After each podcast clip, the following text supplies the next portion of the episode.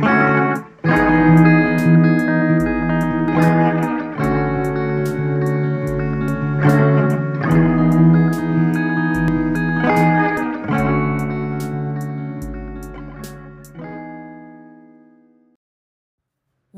to Dialog Selasar by BEM FEB UI. Halo semua, welcome back to Dialog Selasar episode ke-6. Di episode kali ini, gue Prilly dari Biro Humas BEM FEB UI bakal jadi host kalian. Pada episode kali ini, Dialog Selasar akan diisi oleh Audi dari Biro Project yang akan membahas topik yang lagi happening saat ini nih, yaitu PPKM. PPKM atau pemberlakuan pembatasan kegiatan masyarakat yang saat ini sedang berjalan cukup berefek loh pada banyak sektor di berbagai bidang, salah satunya adalah pasar modal. Ditemani dengan pembicara dari Sukor Sekuritas, Bapak Henry Wijaya, mereka akan mengupas tuntas topik ini dengan berbagai insights dari dunia investasi maupun pasar modal. Tanpa menunggu lama lagi, moving on yuk to Bir Pro. Halo para pendengar podcast Dialog Selasar. Kembali lagi di Dialog Selasar bersama saya, Audi Maulana, sebagai staf Biro Project BEM FEBI 2021 yang akan membantu podcast pada kali ini. Nah, teman-teman sekalian, pada kesempatan kali ini, kita akan membahas topik spesial nih, yaitu apa sih dampak PPKM Mikro terhadap stok market di Indonesia? Ditemani dengan bintang, dengan tamu yang spesial juga berasal dari Sukor, yaitu Bapak Henry Wijaya sebagai Financial Educator Manager. Halo Bapak Henry. Halo Audi, selamat siang. Siang Pak. Apa kabarnya Kak? Baik, thank you. Baik, baik.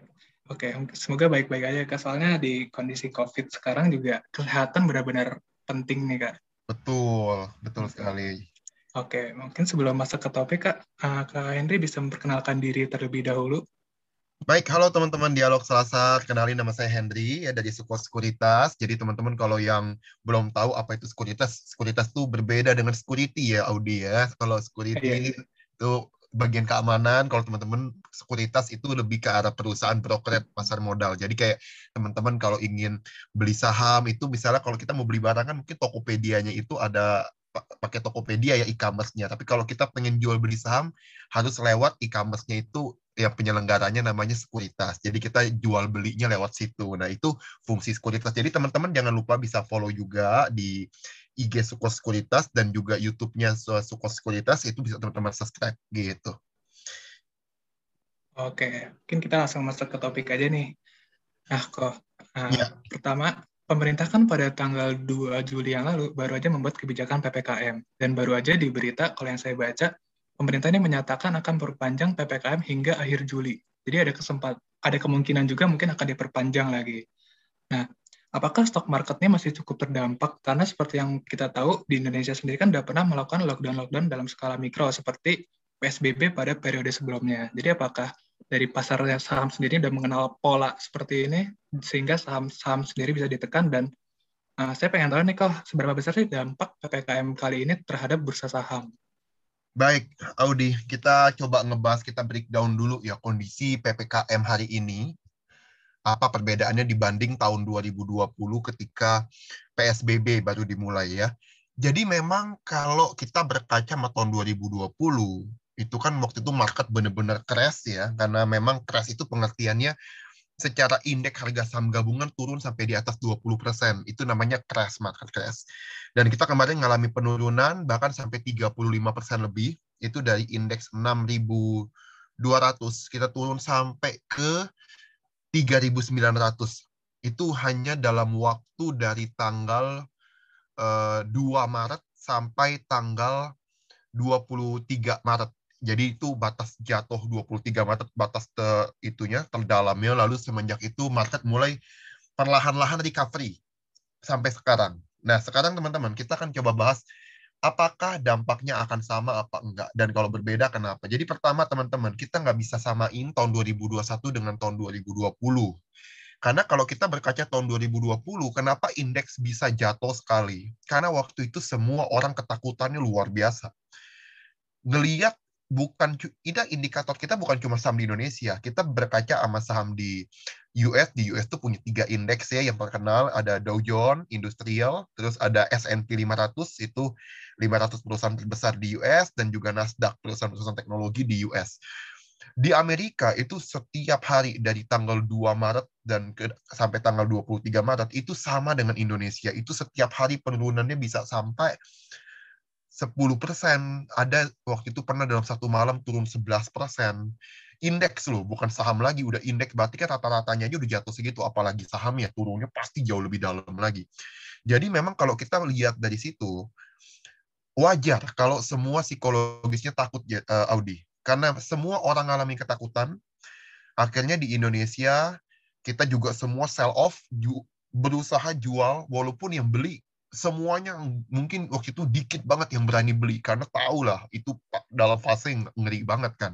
Market jatuh parah siapa yang berani beli? Dan semua orang pengen jualan otomatis saham jatuhnya parah sekali. Makanya indeks rekor terendahnya di 3.900 baru mulai recovery setelah tanggal 23 Maret. Nah, dua, tahun 2021 sekarang anehnya adalah bukan aneh sih sebenarnya ada ada ada penjelasan logisnya. Tahun 2021 ini setelah PPKM dibilang di uh, kembali diaktifkan tanggal 2 Juli kemarin ya dan bahkan diperpanjang. Kalau kita lihat IHSG itu lebih ke arah cenderung sideways. Sideways itu di situ-situ aja gerakannya. Kenapa bisa sideways? Karena memang sekarang itu kalau kita berkaca dengan market US, US itu marketnya all time high. Jadi di rekor tertinggi sekarang dalam sejarah Amerika sendiri. Karena memang di US itu ekonominya sedang bertumbuh dengan cepat. Di kuartal satu dia bisa tumbuh di atas 6 persen. Data GDP-nya, ya pertumbuhan ekonomi Amerika tumbuh 6 persen, terus juga program vaksinasinya sukses.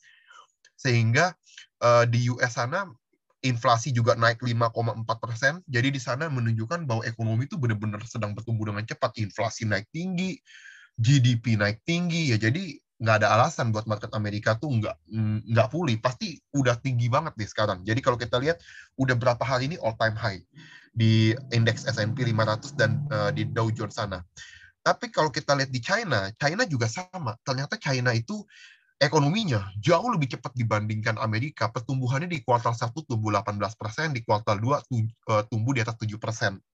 Jadi kalau kita lihat data-data itu, market di US dan market di China itu bisa growing, mereka tetap bisa tumbuh, sehingga sekarang itu beda. Kita nggak lagi ngalamin fear kayak tahun 2020 ketika kita lihat Amerika hancur sahamnya, lihat semua indeks di Eropa hancur, nah, kita lihat CAC ya itu juga jatuh, DAX Jerman juga jatuh, waktu itu semua nggak ada yang bisa hijau ketika bulan Maret. Jadi memang kondisinya berbeda. Kedua, saya pakai indikator pertama Malaysia itu kemarin tanggal 1 Juni itu juga ngalamin lockdown, total lockdown di Malaysia.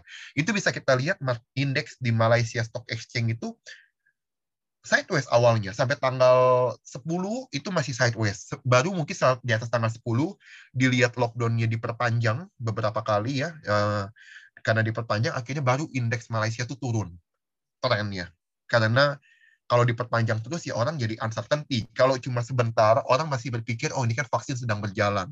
Bisa aja uh, ini nggak akan lama-lama lah.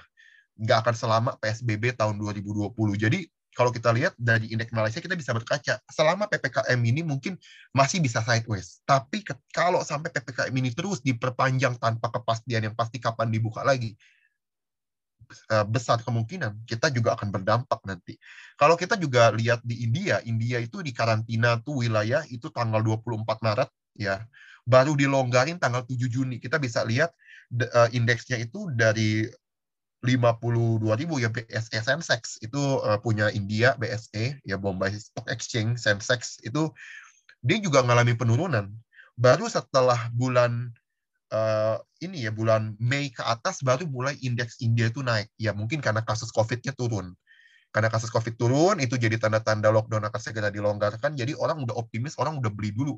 Akhirnya indeksnya naik. Jadi memang itu dinamikanya. Sekarang tantangannya cuma tinggal apakah bisa dalam waktu dalam waktu sebelum bulan Juli ini selesai apakah bisa selesai gitu. Uh, kasusnya mungkin bisa diturunin apa enggak. Kalau memang belum ya kalau diperpanjang terus kemungkinan kemungkinan besar ya indeks kita juga akan kedampak gitu.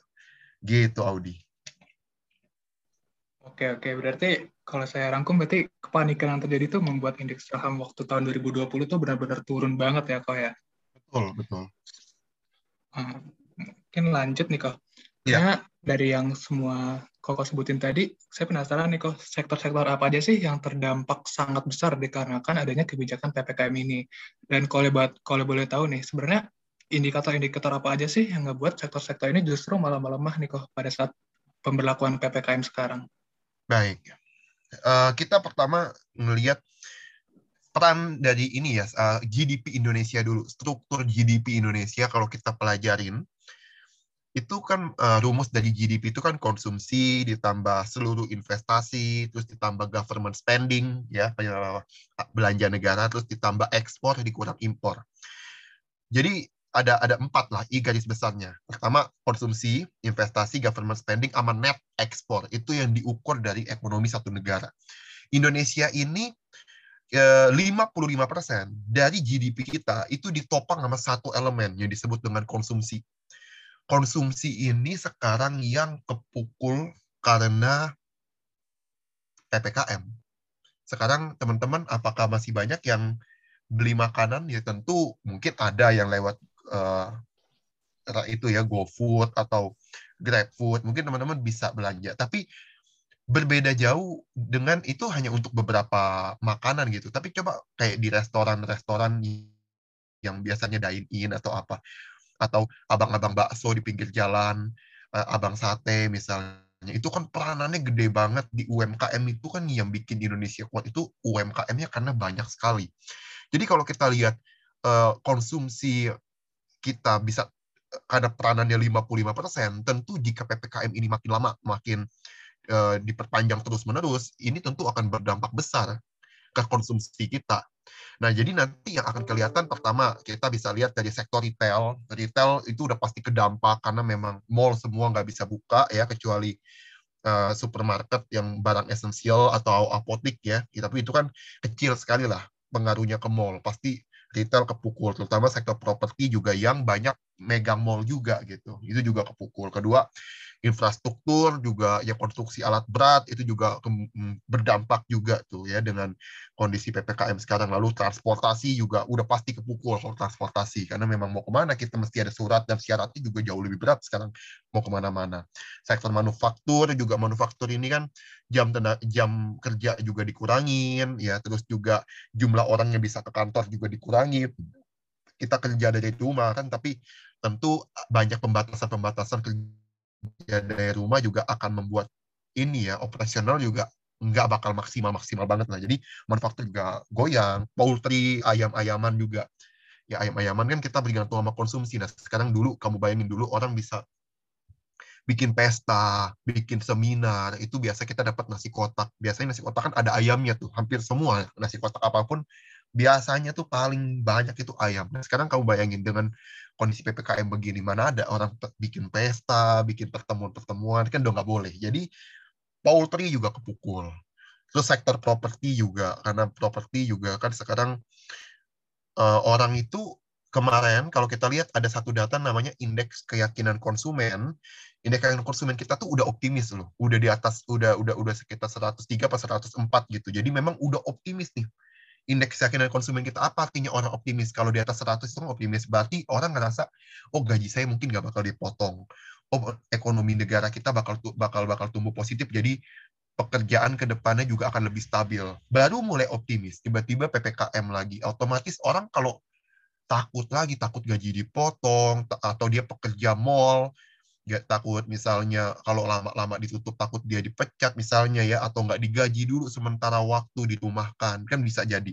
Nah ini bisa membuat orang jadi mengurangi konsumsi orang yang mestinya mau beli.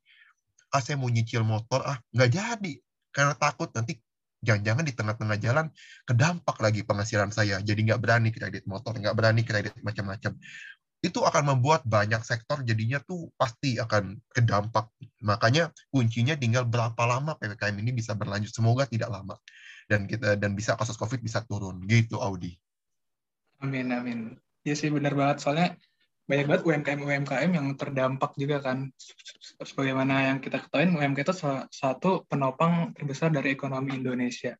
Hmm. Nah, kok akan tetapi nih kok banyak juga nih sektor-sektor pada saat PPKM ini yang justru bergerak uh, trennya positif gitu kok. Sebenarnya pengaruh apa sih yang menyebabkan sektor-sektor seperti yang kita pakai sekarang di Zoom? Berarti kan telekomunikasi itu mengalami pertumbuhan yang positif gitu kok? Iya, betul. Jadi kalau kita bahas yang sektor yang diuntungkan, ada beberapa, memang ada beberapa akhirnya yang namanya uh, ini ya, uh, setiap kondisi itu pasti ada sektor yang dirugikan, ada sektor yang diuntungin. Nah, yang diuntungin ini sekarang memang di Bursa Efek Indonesia itu salah satunya health and care yang berhubungan dengan rumah sakit ya.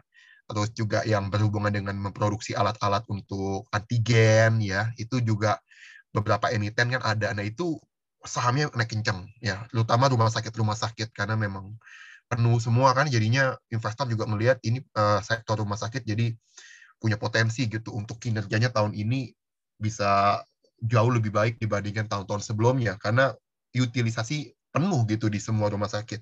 Jadi sektor health itu salah satu yang uh, sahamnya itu cukup bagus gitu kinerjanya di tengah ppkm sekarang. Terus kedua bank digital karena memang kita kan mau nggak mau dengan kondisi sekarang ini kita mobilitas lebih banyak dari rumah kita mau buka rekening bank misalnya udah bisa misalnya lewat handphone. Jadi bank-bank digital ini transaksi juga semua kita mungkin pakai by e-commerce dan lain-lain. Jadi seluruh hal yang digital related companies itu semua juga sedang dapat sentimen yang bagus. Karena memang kita jadi dipaksa harus hidup itu bergantung dengan teknologi. Dan akhirnya bank digital juga naik. Lalu tech related companies ya yang berhubungan sama teknologi companies itu juga naik kencang ya terutama cloud advertising terus yang ada hubungannya dengan uh, data center terus juga yang ada hubungannya dengan e-commerce.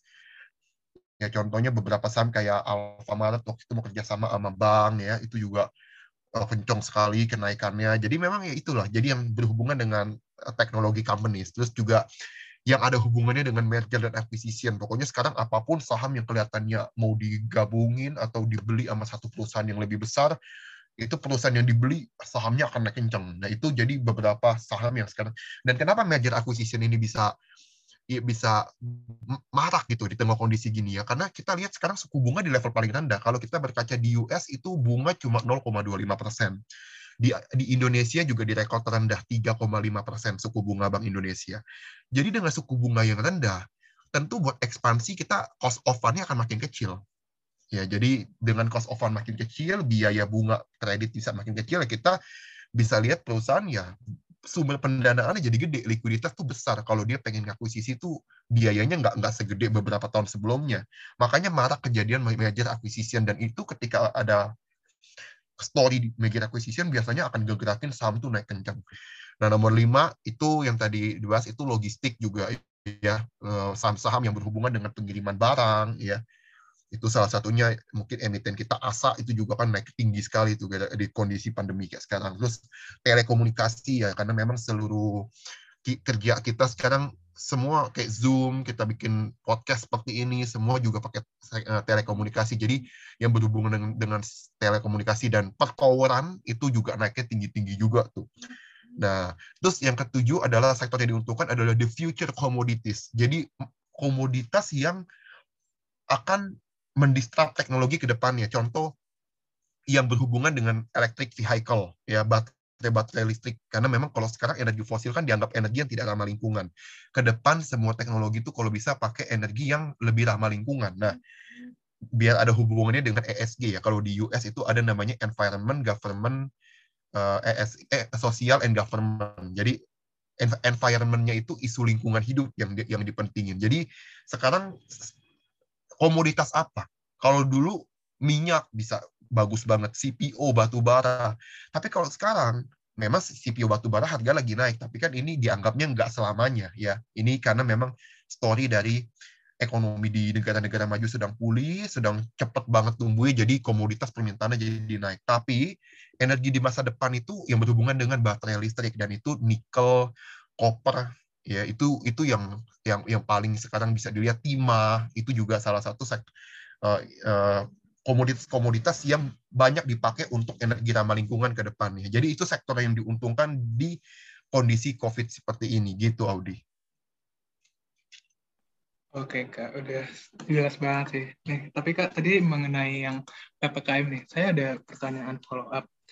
Misalkan nih PPKM kan kita nggak tahu ya berapa lama dan apakah COVID mungkin bulan Agustus nanti udah menurun atau belum. Tapi yang jelas kalau PPKM ini diperpanjang akan semakin banyak pihak-pihak yang terdampak, salah satunya UMKM tadi. Mungkin ada nggak sih kok strategi-strategi jika PPKM ini terus diperpanjang gitu dari pasar sahamnya atau dari ekonominya gitu? Baik. Pertama, uh, teman-teman harus tetapin dulu strategi teman-teman itu mau seperti apa. Terus time uh, profil resiko teman-teman tuh kayak gimana. Contoh misalnya teman-teman itu memang punya uang yang pengen dipakai biar buat ah punya waktu saya ini bisa ada waktu gitu. Uh, jam-jam kerja ya jadi jam 9 sampai jam 3 sore saya bisa standby di depan laptop. Apa yang masih saya lakukan? Ya belajar technical analysis.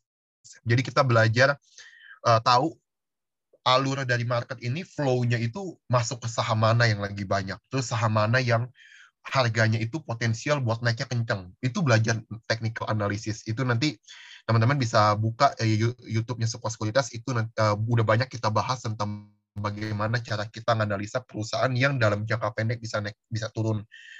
Bagaimana cara kita melihatnya, potensinya seperti apa. Nah itu kalau teman-teman punya waktu sebanyak itu, agak senggang, teman-teman silakan buka nanti YouTube Sukses cari yang teknikal. Tapi kalau teman-teman pengen agak lama ininya ya time frame investnya, tentu sekarang bisa teman-teman udah mulai masuk.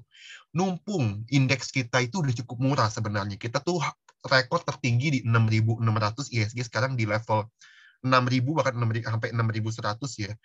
Dan banyak perusahaan kita yang memang untuk sekarang memang flow-nya nggak ada ke sana. Maksudnya flow itu orang pada nggak mau beli saham ini. Jadi lagi pada murah sahamnya. Tapi teman-teman bisa mulai koleksi asal kinerjanya memang setelah pandemi teman-teman lihat punya potensi buat grow kembali. Nah, kayak contoh, kayak contohnya perbankan kita. Perbankan kita itu sekarang lagi pada nahan kredit. Kalau kita lihat di kuartal 1 2021, itu rata-rata uh, kredit itu turun, nggak banyak bank yang bisa nambah kredit. Nambah pun kecil lah, baru dua persen, ya baru enam persen. Jadi nggak terlalu berani ekspansi karena apalagi ppkm gini ya takut gagal bayar naik lagi kan bank harus nyiapin cadangan kerugian penurunan nilai kalau gagal bayarnya banyak. Jadi kalau kita lihat di situ eh, tentu teman-teman harus bisa ah saya mau beli karena ini bank semua lagi pada nahan kredit, ya udah beli sekarang aja nanti tunggu pandemi ini selesai otomatis kan nanti recovery itu kalau uh, dia berani ngasih kredit sekarang kan likuiditas dia lagi banyak dana pihak ketiga tuh tumbuhnya luar biasa dana pihak ketiga berarti yang orang tabung di bank itu makin banyak makin banyak nah tapi kreditnya pertumbuhannya jauh di bawah dari pertumbuhan dana pihak ketiga jadi kalau kita lihat bank ini cuma ngerem aja. Kalau duitnya ada, tapi dia nggak mungkin untuk ngasih kredit agak nahan-nahan, agak hati-hati. Nah, tapi nanti setelah pandemi berakhir kan ini akan recovery lagi nih.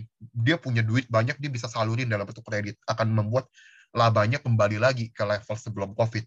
Nah, jadi kalau teman-teman punya time frame lama, teman-teman tinggal cari mana yang perusahaan yang valuation-nya udah murah, terus juga yang kinerjanya setelah dia cukup kuat untuk menghadapi ini minimal di tengah pandemi ini dia bisa tetap survive gitu dan setelah pandemi teman-teman bisa lihat ada potensi untuk dia growth. Nah, silakan teman-teman bisa invest dari sekarang. Begitu Audi. Jadi tergantung strateginya teman-teman mau yang seperti apa mau jangka pendek tapi teman-teman harus standby di depan komputer atau mau teman-teman buy fundamental. Silakan buat time frame yang lebih lama. Gitu Audi. Jadi intinya itu kita harus terus mengikuti alur pasar ya dengan memanfaatkan teknologi, belajar, seperti itu. Betul, informasi kan banyak. Teman-teman mau dengerin clubhouse-nya Pak Bernard, eh, eh, CEO-nya Sukses Kualitas itu tiap pagi jam setengah sembilan. Bisa teman-teman mau dengerin uh, saham apa yang menarik buat dilihat. Di tengah kondisi gini juga banyak saham yang naik. Hari ini lihat saham-saham banyak juga kok yang naik. Jadi, tapi saham-saham kecil ya, bukan blue chip. Kalau blue chip kan perusahaan-perusahaan gede ini saham-saham yang second liner yang yang yang, yang bukan sektor yang gede-gede itu lagi benar-benar atraktif banget naiknya naiknya lagi kencang-kencang jadi teman-teman bisa ikutin nah itu tiap pagi teman-teman kalau follow IG sekuritas itu tiap pagi setengah sembilan kita live kita langsung kasih tahu topik-topik apa dan kenapa itu dibilang menarik itu dibahas tuh tiap pagi jadi teman-teman uh, bisa belajar sama-sama tuh lewat lewat nanti uh, follow IG sekuritas gitu Iya, iya, Remi. Oke, kok. Kita langsung nih ya ke pembahasan selanjutnya. Uh, tadi kan udah bahas mengenai uh, gambaran ekonomi secara real time di Indonesia bagaimana sektor-sektor yang terdampak. Nah, jadi kan kalau yang saya simpulin ini, jadi banyak banget negara di dunia yang mengalami pertumbuhan ekonomi yang cenderung ke arah negatif. Nah, tapi kalau saya amatin juga nih kok, banyak bursa saham di negara-negara lain yang mengalami justru malah mengalami pertumbuhan.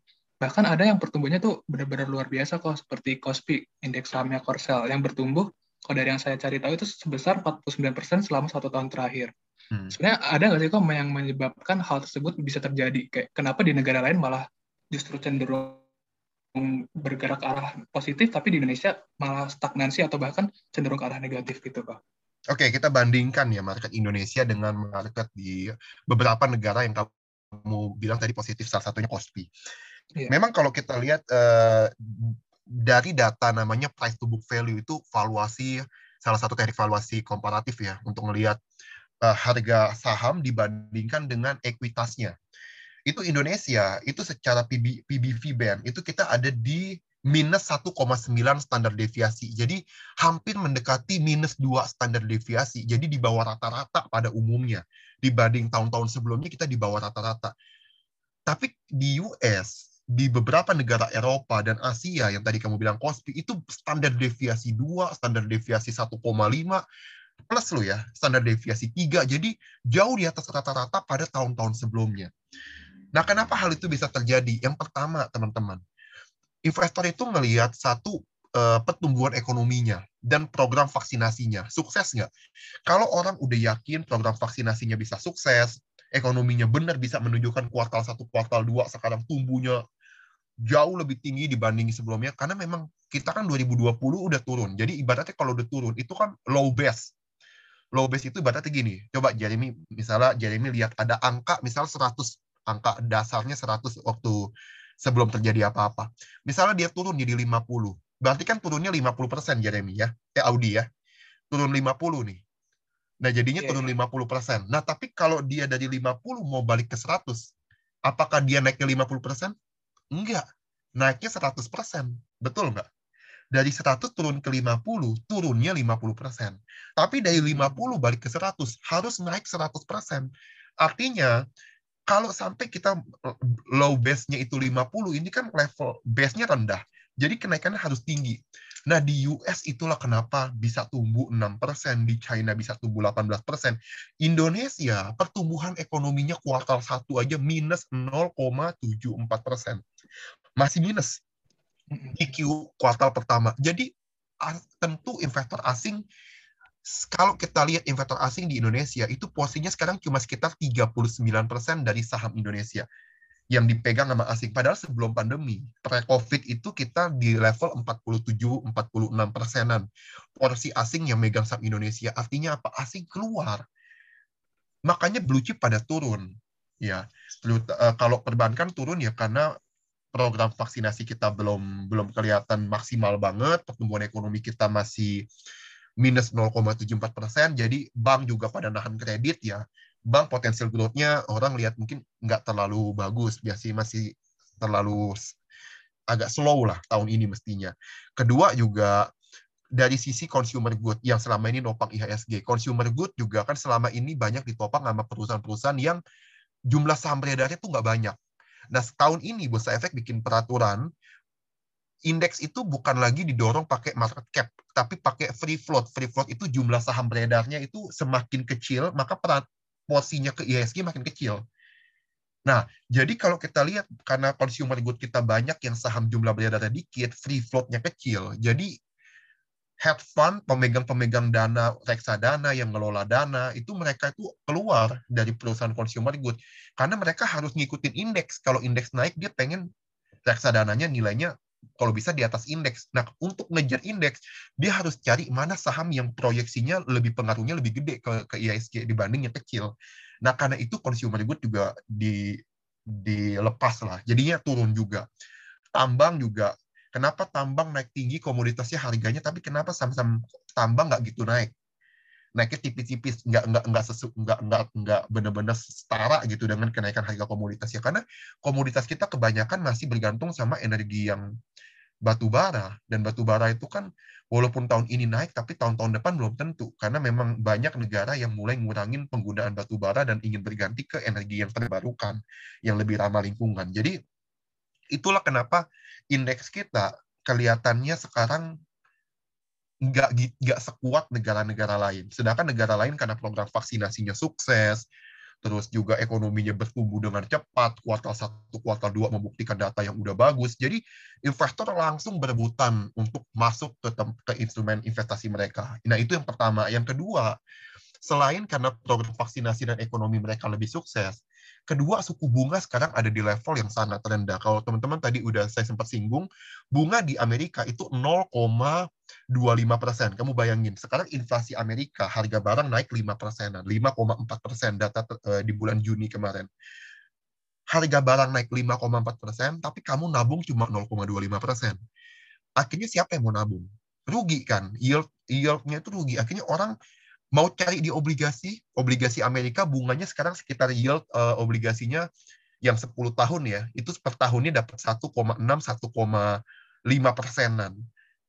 Rugi juga. Kita naruh di obligasi dapat 1,5 1,6 persen, tapi uh, kita kalau lihat data di ini ya di inflasi naik 5 persen, akhirnya orang ngerasa waduh nggak bagus juga di obligasi Amerika udah kita masuk ke saham-saham, saham-saham juga udah mahal.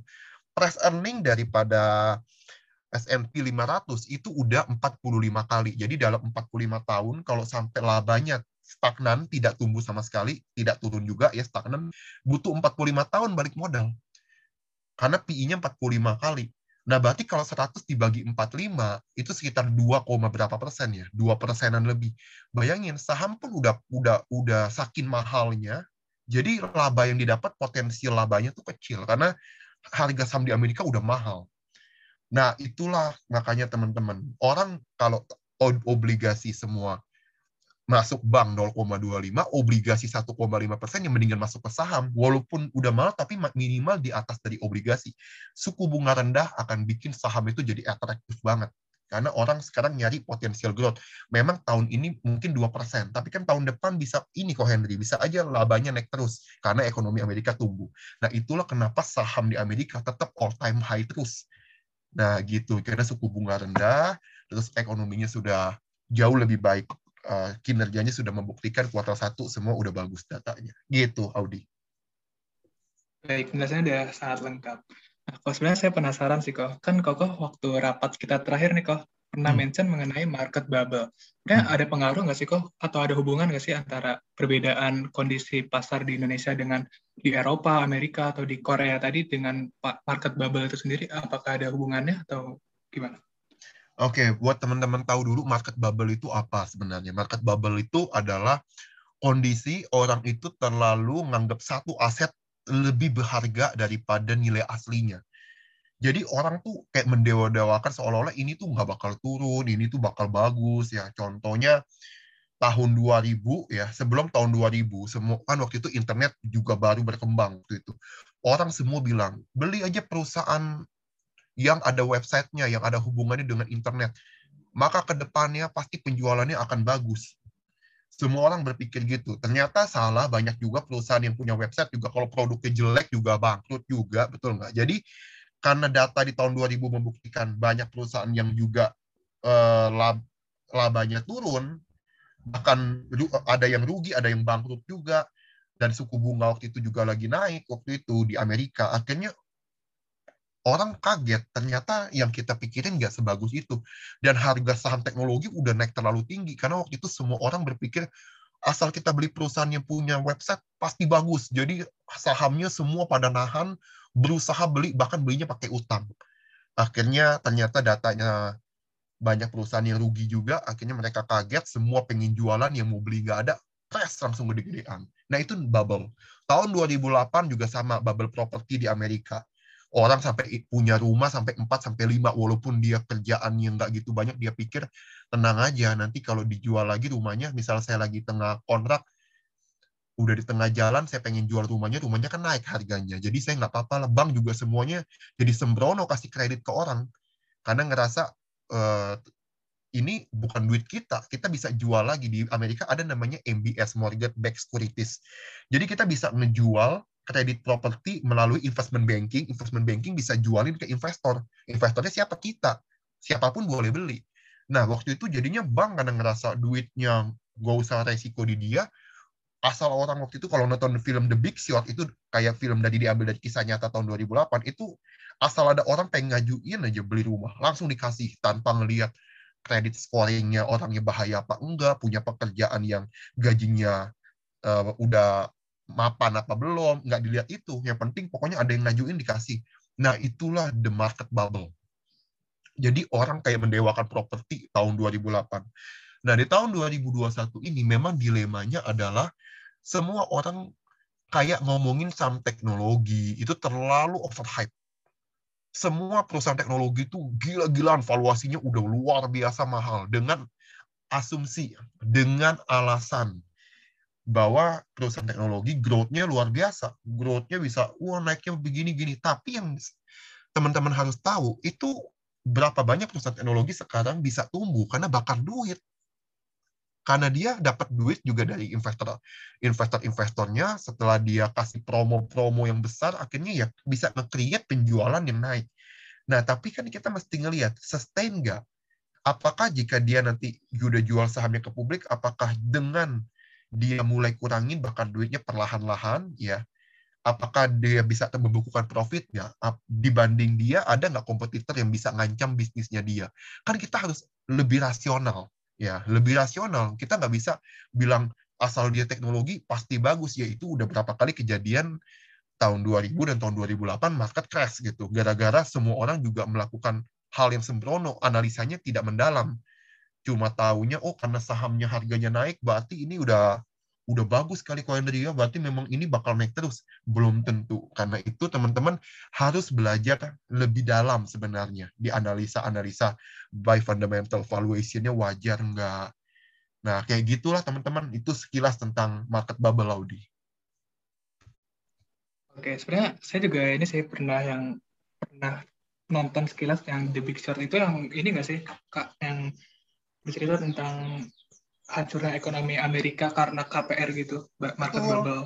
Betul sekali, hmm. betul. Itu uh, nonton aja di Netflix. Kalau teman-teman pengen nonton ya itu kondisi kejadian waktu tahun sebelum 2008. Ada ke, ada beberapa orang di situ yang bisa ngebaca sebelum bubble itu pecah, mereka udah udah tahu duluan. Salah satunya tokoh yang terkenal banget Michael Burry. Nah, itu Michael Burry sampai sekarang pun udah ngomong nih, udah kalau teman-teman follow Twitternya itu dia udah banyak ngasih kita opini di tahun 2021 ini kondisi market ini se seperti apa. Teman-teman nanti bisa itu. Dia bilang sekarang itu the biggest market bubble yang yang yang bisa dia lihat ya. It, uh, the biggest ini, the biggest speculation. Nah, itu nanti itu ada di Twitternya dia baru-baru ini dia dia dia dia, dia nge-tweet. Jadi teman-teman nanti bisa baca ya di di YouTube juga banyak banget yang udah ngebahas Michael Burry ini maksudnya apa. Teman-teman bisa tonton nanti di YouTube gitu. Oke saya saya masih penasaran sih. Jadi mengenai berbicara mengenai market bubble sendiri nih, kan berarti banyak banget investor yang sekiranya pemula atau awam terjebak di trap ini kan. Nah, kalau kebetulan saya nih sebagai investor pemula ya hitungannya, ya hmm. apa sih yang harus saya pelajari dan saya lakukan supaya nggak terjebak dalam kondisi market bubble sekarang? Soalnya kalau yang saya tonton yang film The Big Short ini pada tahun 2008 itu kan dampaknya yang kehancuran ekonomi Amerika pada perekonomian global Sedangkan yang kondisi sekarang katanya bisa menjadi the biggest market bubble. Hmm. Itu gimana tuh? Oke, okay. pertama teman-teman, uh, money man ini tergantung orangnya ya. Strategi itu bisa beda-beda. Contoh gini, misalnya teman-teman ngerasa uang satu juta itu kalau hilang juga nggak masalah lah, kok Henry Nah, kalau kamu ngerasa uang satu juta hilang itu nggak masalah, kamu punya gaji misalnya anggaplah 10 juta sebulan, kamu rasa satu juta nggak masalah. Kamu mau satu juta ini mau kamu beliin saham-saham yang lagi netnya kenceng atau turunnya kenceng juga nggak masalah. Atau kalau turun, turunnya misalnya 50% jadi 500 ribu, kamu nggak sakit-sakit amat. Tapi kalau naik bisa 2 sampai tiga kali lipat. Namanya market bubble. Biasanya naiknya bisa cepet banget. Sehari bisa naik 10%, 8%. Nah, kalau kamu money manajemennya bagus, kalau kamu ngerasa ini duitnya saya nggak bakal sakit-sakit amat kalau berkurang juga, silakan go ahead. Itu namanya berarti kamu money manajemennya udah benar, kamu udah udah udah nge-planning. Kalau dia naik bisa berkali-kali lipat, Kalau turun ya turunnya paling maksimalnya sejuta. Kalau sampai itu, tapi masa sih nggak bisa dijual sama sekali kan nggak mungkin juga saham kecuali harganya nyentuh 50 lagi atau di sama bursa di suspend misalnya kalau nggak gitu kan pasti bisa dijual tapi harga jual mungkin turunnya berapa banyak kita nggak tahu. Nah itu kalau kamu mau kayak gitu boleh. Di tengah kondisi begini numpuk orang lagi rame banyak pemain baru kan sekarang di pas di bursa efek kemarin tahun 2020 itu rekor uh, investor barunya tuh luar biasa banyak. Dan sekarang kiblatnya semua orang baru apa? Dengerin clubhouse ya nggak? Dengerin banyak influencer influencer di YouTube misalnya. Iya iya. Nah kalau kayak begitu ya akhirnya mereka tanpa analisa yang detail cuma dengerin oh kode sahamnya misalnya A B C D. Ya udah semua berebutan beli dan naiknya kenceng. Saham B C D E misalnya. Uh, orang semua berebutan beli, naiknya kenceng. Nah, teman-teman ya harus lebih ini ya rasional. Pokoknya di market itu kalau tujuannya long term pendekatannya beda. Kalau long term itu kamu ingat bubble itu nggak di seluruh saham nanti akan ada rotation sektor. Misalnya sekarang lagi high technology companies contoh. Nanti satu saat teknologi companies udah kemahalan dan orang udah ngerasa udah nggak worth it dibeli, akhirnya akan pindah juga ke perusahaan yang udah murah-murah. Nah, yang murah-murah punya potensi bagus apa? Nah, itu yang mesti kita cari sekarang. Nah, teman-teman yang udah terbukti dalam masa pandemi pun bisa dia tetap membukukan keuntungan. Operating cash flow-nya bagus, bisa tetap positif. Manajemen utangnya juga uh, aman ya secara eh, manajemen utang. Nah, kalau dia udah kayak begitu penjualan juga turunnya mungkin dikit lah di tengah pandemi, nggak yang sampai rugi juga. Nah, valuationnya juga lagi masuk akal, harganya nggak terlalu mahal valuationnya. Nah, itu bisa kamu beli buat kamu long term tujuannya. Itu mau duit banyak juga nggak apa-apa. Kalau kamu udah deep banget, yakin perusahaannya bisnisnya bagus dan beli di harga yang wajar, itu boleh duit banyak. Tapi kalau saham yang kamu nggak kenal, cuma dengar dari orang, ya main money management lah. Siapin uang yang memang kamu siap aja gitu. Nah, atau kamu kalau mau lebih bagus lagi belajar technical analysis, jadi tahu kapan cut loss-nya, kapan timing masuknya. Oh, dia break support ya udah cut loss. Kalau dia jadi teman-teman udah udah udah manajemen trading plan-nya udah jalan. Nah, kalau kayak begitu boleh. Jadi banyak cara bisa dipakai untuk di tengah kondisi kayak begini. Cuma memang jangan takut ya untuk untuk walaupun kondisi maka bubble ini kan bagi bagi Michael Burry kalau Koko bilang sih di Amerika mungkin, tapi Amerika juga sebenarnya bubble ini kan gini ya. Kalau sampai suku bunga Amerika sekarang eh, anggaplah bunganya sekitar obligasi itu 1,25 persen, tapi kan saham masih di atas obligasi. Sebenarnya masih bisa hmm. belum bisa dibilang bubble. Kalau bubble itu bahkan saham yang resikonya lebih tinggi dari obligasi, tapi returnnya itu lebih di bawahnya obligasi dan masih dibilang bakal naik-naik lagi sahamnya. Itu baru bisa dibilang bubble.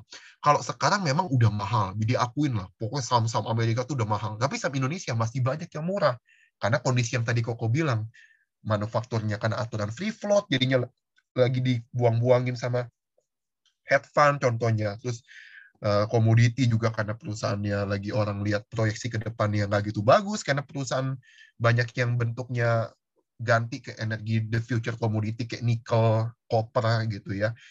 Bank juga lagi pada nahan kredit, eh, terus PPKM juga belum tahu sampai kapan ya. Jadi ya itu bisa teman-teman koleksi karena numpung lagi murah. Kalau nggak kondisi begini ya nggak bakal dapat harga murah. Nah gitu. Jadi tergantung sudut pandang dan strategi kalian berbeda-beda gitu Audi.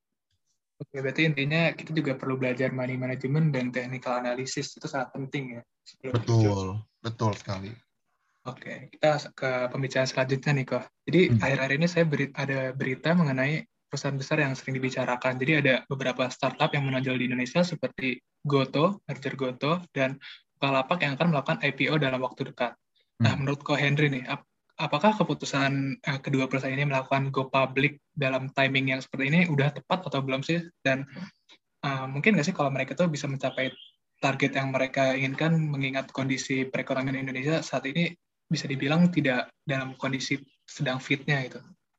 Oke, mereka kan satu sisi karena perusahaan teknologi company sih kayak Bukalapak, Tokopedia mestinya sih diuntungkan ya di tengah kondisi PPKM, kondisi pembatasan banyak uh, aktivitas ya tentu solusinya adalah kalau mau tetap bisa jualan ya harus bisa jualan online dan marketplace paling gede ya mereka memang Sio, uh, Goto, terus uh, Tokopedia ya, masaknya Goto, terus Shopee dan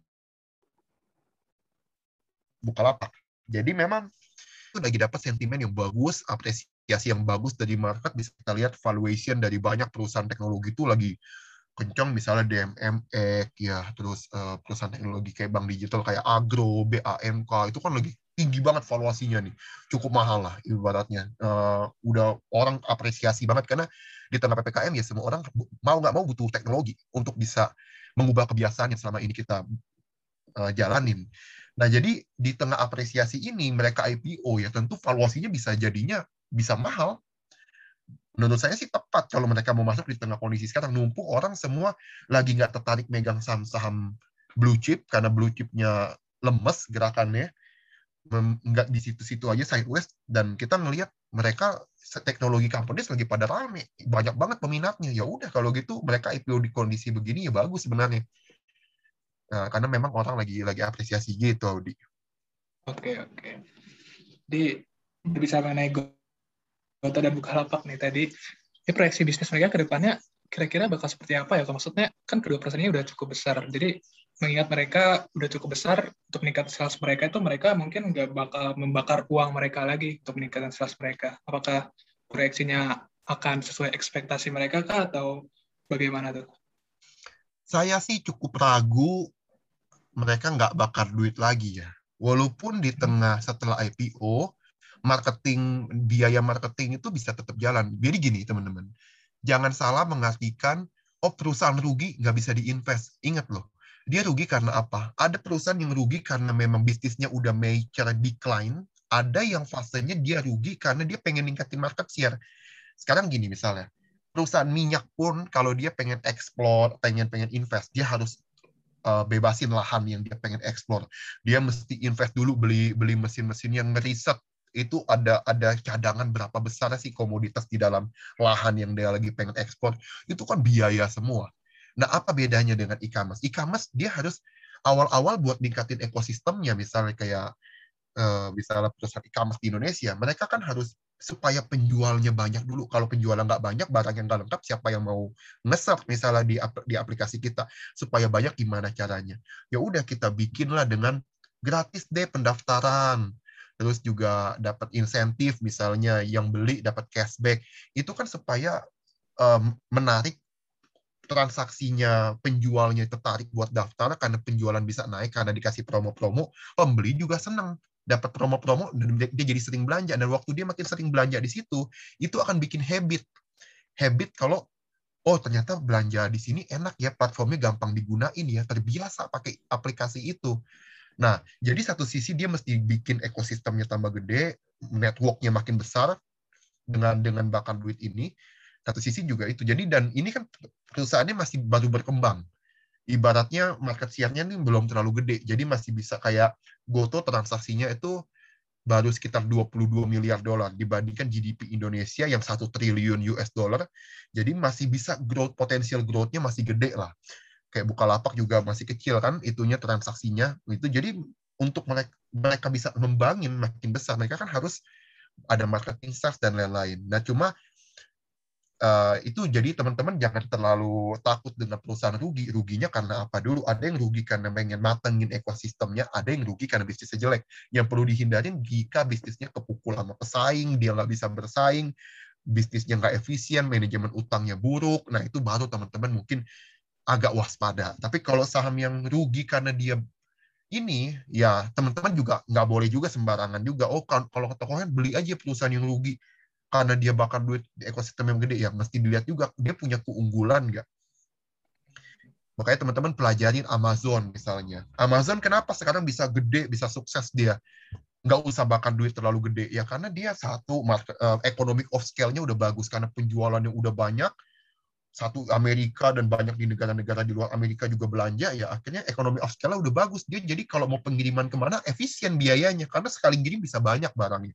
Dia bisa cuma bayar biaya tahunan uh, misalnya ke satu ini ya eks, uh, pengiriman jasa logistik bisa aja dia cuma bayar biaya fixed cost dan nanti dia kirim berapapun bisa dikirimin. Kalau karena dia eh, udah udah gede gitu. Kedua dia juga punya gudang sendiri. Terus juga investor dia dibikin kayak ada member kalau bayar 25 dolar gitu setahun ya ikut namanya Prime Amazon gitu uh, itu bisa dapat free ongkir walaupun pengirimannya cuma sehari apa segala. Jadi promonya banyak dan itu bikin orang loyal walaupun bayar 25 dolar dan orang jadi nggak mau ganti ke kompetitor Amazon karena kita udah udah udah udah bayar di sini. Kalau kita ganti rugi maksudnya kita udah ikut member di Amazon dan dapat member ini kita gratis nonton di Amazon Prime misalnya macam-macam. Jadi kita bisa belajar.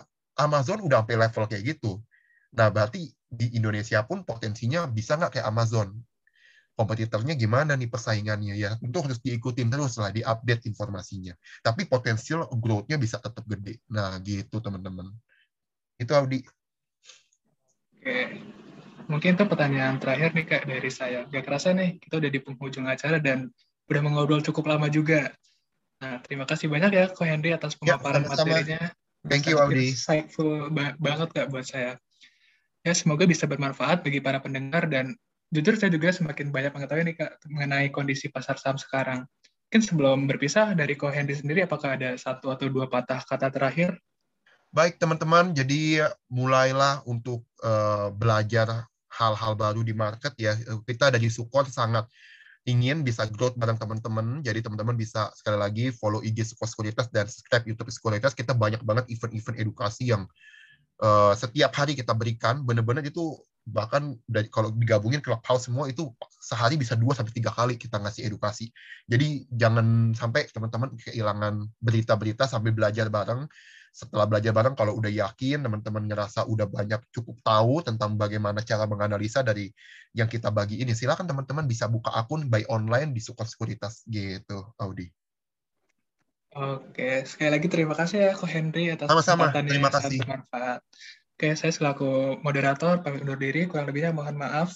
Nah, sampai jumpa di kesempatan selanjutnya teman-teman. Jangan lupa stay healthy dan stay at home. Yo, thank you semua. Terima kasih banyak kepada Audi serta Bapak Henry Wijaya yang sudah mengisi dialog Selasar untuk episode kali ini. Nah, dengar-dengar tentang investasi, gue sebagai investor pemula jadi tahu banyak banget sih insight tentang pasar modal ini. Jadi, untuk kalian semua yang ingin berinvestasi, terutama di masa PPKM seperti ini, jangan lupa untuk selalu memperhatikan dampak apa aja yang bakal terjadi ya. Kami juga ingin berterima kasih kepada sponsor BMFBUI pada tahun ini yaitu Sukor untuk informasi lebih lanjut mengenai Sukor, kalian bisa banget mengunjungi Instagram mereka di @sukorsekuritas. Anyway, buat kalian yang ingin tahu lebih lanjut tentang BEM FPBUI bisa langsung banget cek sosial media kita di Instagram kita BEMFPBUI atau bisa langsung chat kita melalui OA line BEMFPBUI atau bisa juga kunjungin website kami di bemfpbui.com. Nah, buat kalian yang berminat buat ngajak kita kolaborasi, bikin project bareng, studi banding, atau ngasih kritik dan saran, bisa langsung hubungi di sosial media yang tadi udah disebutin. Nah, jangan lupa buat stay tune terus di podcast Dialog Selasar ini karena pastinya di episode selanjutnya bakal ngebahas topik yang bakal lebih seru banget dan worth to wait. Oke, kalau gitu gue Prilly pamit undur diri ya. Jangan lupa stay safe, stay healthy, and see you guys on our next episode. Música